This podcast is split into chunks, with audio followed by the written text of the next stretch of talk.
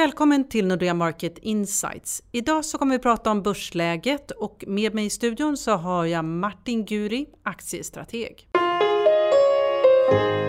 Hej Martin, välkommen tillbaka. Tack så hjärtligt. Vad är det egentligen som händer på börsen? Kommer turbulensen att fortsätta? Oj, oj, oj. Det är faktiskt väldigt många saker som har sammanfallit på aktiemarknaden under väldigt kort tid. Och det som har skett är det här klassiska risk-off-sentimentet. Att egentligen är det väl ingen som egentligen vill göra någonting om man undrar och tittar på kompisen bredvid och att hur var ska det här ta vägen. De senaste dagarna har det dock varit lite risk på. Alltså det, börsen har ju gått upp nu väldigt kraftfullt och det får man se som ett hälsotecken.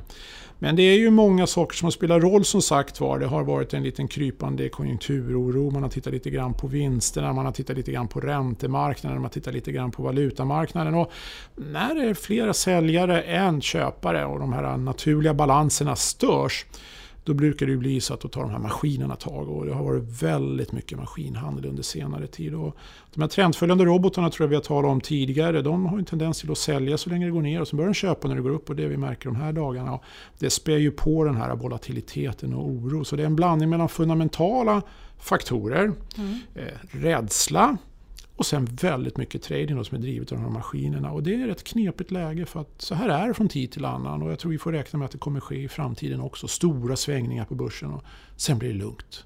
Väldigt lugnt. Okej, men är det någon sektor som har varit hårdare påverkad än någon annan och varför det? Ja, väldigt tydligt när man tittar på så kallad sektorallokering, vilka sektorer i världen det är som har gått upp respektive ner och hur förvaltarna har valt att flytta sina positioner. Då ser man i statistiken då över den senaste månadens rörelser att allting som är konjunkturkänsligt har åkt ner. Det har man sålt, man har varit väldigt orolig. Och till exempel verkstadsaktier och råvaruaktier självklart och energirelaterade aktier.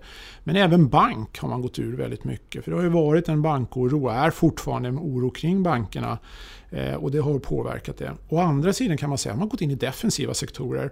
Så tråkigt som kraftbolag, vi har inte så mycket av det i Sverige men det kallas utilities internationellt. De tjänar egentligen inga pengar. Alla har varit underviktade jämt. De köper man jättemycket. Om man köper telekombolag som vanliga operatörer som vi har i Sverige, Telia och, eh, och Tele2 för att man vill ha den här tryggheten och säkerheten och kanske också att man parkerar pengarna där ett tag tills man vet vad man egentligen ska göra av det. Så det har varit mycket rotation och konjunkturkänsligt och finans det har drabbats hårt. Och om man då tittar på andra händelser på marknaden som den här räntenedgången och lägre styrränta både i Sverige och Japan. Vad har hänt där? Ja, slutsatsen man kan dra det är ju två stycken. Det ena är ju det att självklart är det svårare för bankerna generellt att tjäna pengar. Bankerna brukar ju tjäna så att säga på skillnaden mellan in och utlåning och nu blir det inte så mycket egentligen man kan jobba med. Så det är rätt knepigt. Och det här är inte bara ett svenskt och nordiskt fenomen utan det här är ju en del av varför europeiska banker har gått väldigt dåligt. Att man är orolig för att lägre ränta och kanske till och med negativ ränta i Europa ska slå på det här. Och i Japan har det blivit samma sak faktiskt. Att finansiella aktier har gått ner extremt kraftigt i Japan. Japanska börsen har också gått ner jättemycket. Den gick ner på minusränta. Och det grundar sig på att det finns en affärsmodell som egentligen bygger på att man ska inte ha minusräntor och, och det är knepigt. Den andra dimensionen av det här det är ju det att lägre ränta påverkar valutan. Ett syfte är ju självklart egentligen att få svagare valuta för att vinna konkurrensfördelar. Och det, man kan ju grovt förenklat säga att valutakriget fortsätter. Det har bara tagit ett varv till. När Sverige sänker i syfte att försvaga valutan och Japan gör det i syfte att försvaga valutan. Då kommer ju troligtvis européerna också att sänka i syfte att försvaga valutan. Och kanske kineserna gör det i syfte att försvaga valutan. Och amerikanska centralbanken har väl lite grann också hostat nu nyligen på senaste tiden. Att man tittar på omvärlden och då kanske inte den valutan stärks heller. Så det här valutakriget som har pågått länge, det verkar bara fortsätta. Man gör faktiskt bara saken värre. Så det kan man säga är en andra negativa konsekvens av att man har lägre styrränta just nu. För vissa analytiker menar ju att centralbankerna kanske utlöser nästa finanskris. Tror du det? Inte på kort sikt i alla fall. Rent teoretiskt så kan man väl hålla på att sänka räntorna ett tag till.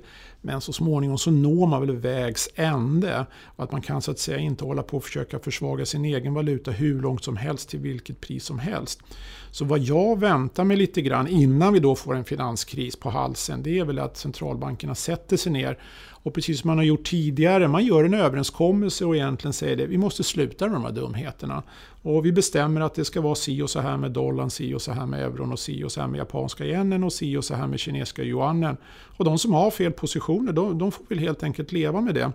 Men gör man inte det här så är ju helt enkelt den stora risken att man drar med sig flera länder. Man drar med sig emerging markets, man drar med sig de här hårt skuldsatta länderna med hög tillväxt och är beroende av en viss valuta då för att klara sig.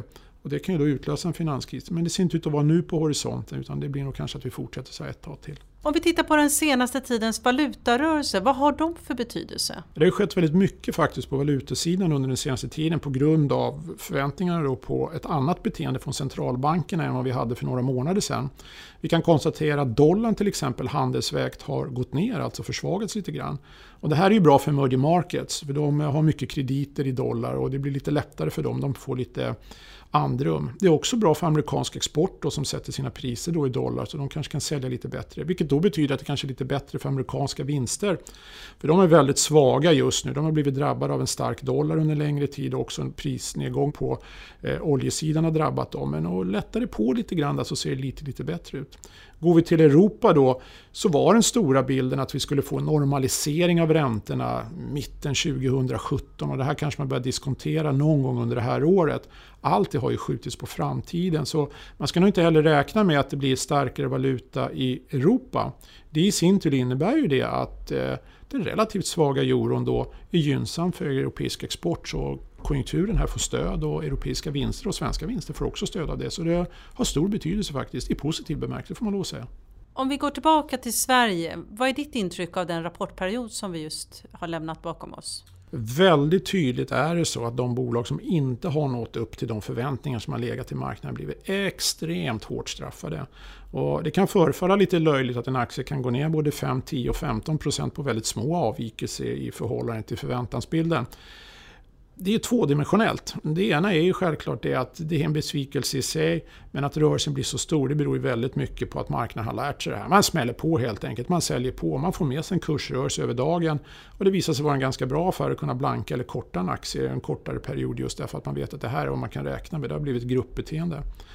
Lyfter man blicken lite grann och tittar sen på helheten och försöker då kalibrera att var i har svagheten bestått och varför är en viss besvikelse. Och ska man vara väldigt generaliserande och väldigt svepande så kan man tala om marginalpress. Det är svårt för företagen att kompensera sig för i vissa fall stigande kostnader, framförallt då på lönesidan. Och det är helt enkelt svårt att hålla den lönsamheten uppe. Försäljningen har varit rätt okej okay, sådär, men när man börjar gräva i siffrorna så är det marginalpress det handlar om. Och mycket talar väl för att det ska fortsätta, för det är ingen större tillväxt i världen.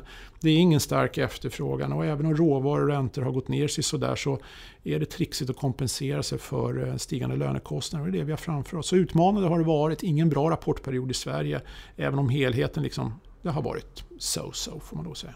Men finns det några positiva ljusglimtar i mörkret? Ja, det får man absolut säga. Man får inte tappa perspektivet. Jag brukar säga att pengarna försvinner inte från jordklotet på något sätt. De bara parkerar på andra ställen.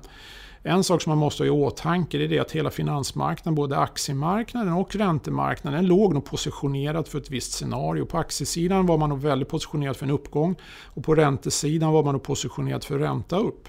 Och nu har det här kommit lite grann på skam och man har fått ränta ner och folk har varit tvungna att kanske köpa mer statsobligationer än vad man har varit eller man har haft lust till.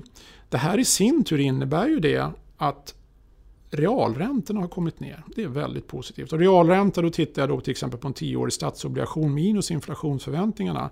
Och de ligger på minus. Och varför är det här då viktigt? Jo, för alla stora pengar i världen, alla AP-fonder, alla livbolag, alla pensionsbolag och alla egentligen sysslar med förvaltning måste ju ha avkastning. Ofta har man ett realt avkastningsmål efter inflation på ungefär 3 och som i Sverige, där ligger realräntan ligger på minus 1%. Det är omöjligt att få någon avkastning på de pengar man ska förvalta om du inte tar risk. Så min tes är ju det att pengarna kommer komma tillbaks. När volatiliteten har lagt sig, när dammet har lagt sig här så kommer man tvingas då att köpa då high yield-fonder, högräntefonder. Man kommer komma tillbaka till aktiemarknaden för det är det enda stället som erbjuder avkastning. Och det är väl det positiva med det här att räntorna har kommit ner just på grund av den här rörelsen som har varit och att pengarna inte försvinner. Så med lite tålamod så tror jag att det ska gunga tillbaka och vi är i ett sånt fönster just nu. Om vi då avslutar dagens sändning med en utsikt för helåret, vad skulle det vara? Ja, prognosen står kvar som vi har haft innan då att vi kommer sluta ungefär kring nollan. Så att det blir sådana svängningar ner och jag har väldigt grovt sagt att börjar gå ner på minus 10 så köp med båda händerna och går det upp på plus 10 så kan det vara läge att, att sälja lite grann. Så jag tror helåret nog kommer sluta runt nollan med mycket svängningar. Det låter i alla fall någorlunda positivt. Jajamensan, pengar finns det att tjäna. Tack så mycket Martin för att du har varit här. Tack så hjärtligt. Tack för att ni har lyssnat. Om du vill veta mer så går det bra att gå in på nexus.nordea.com eller prenumerera på något av våra nyhetsbrev som du finner på nordea.se markets. Välkommen tillbaka!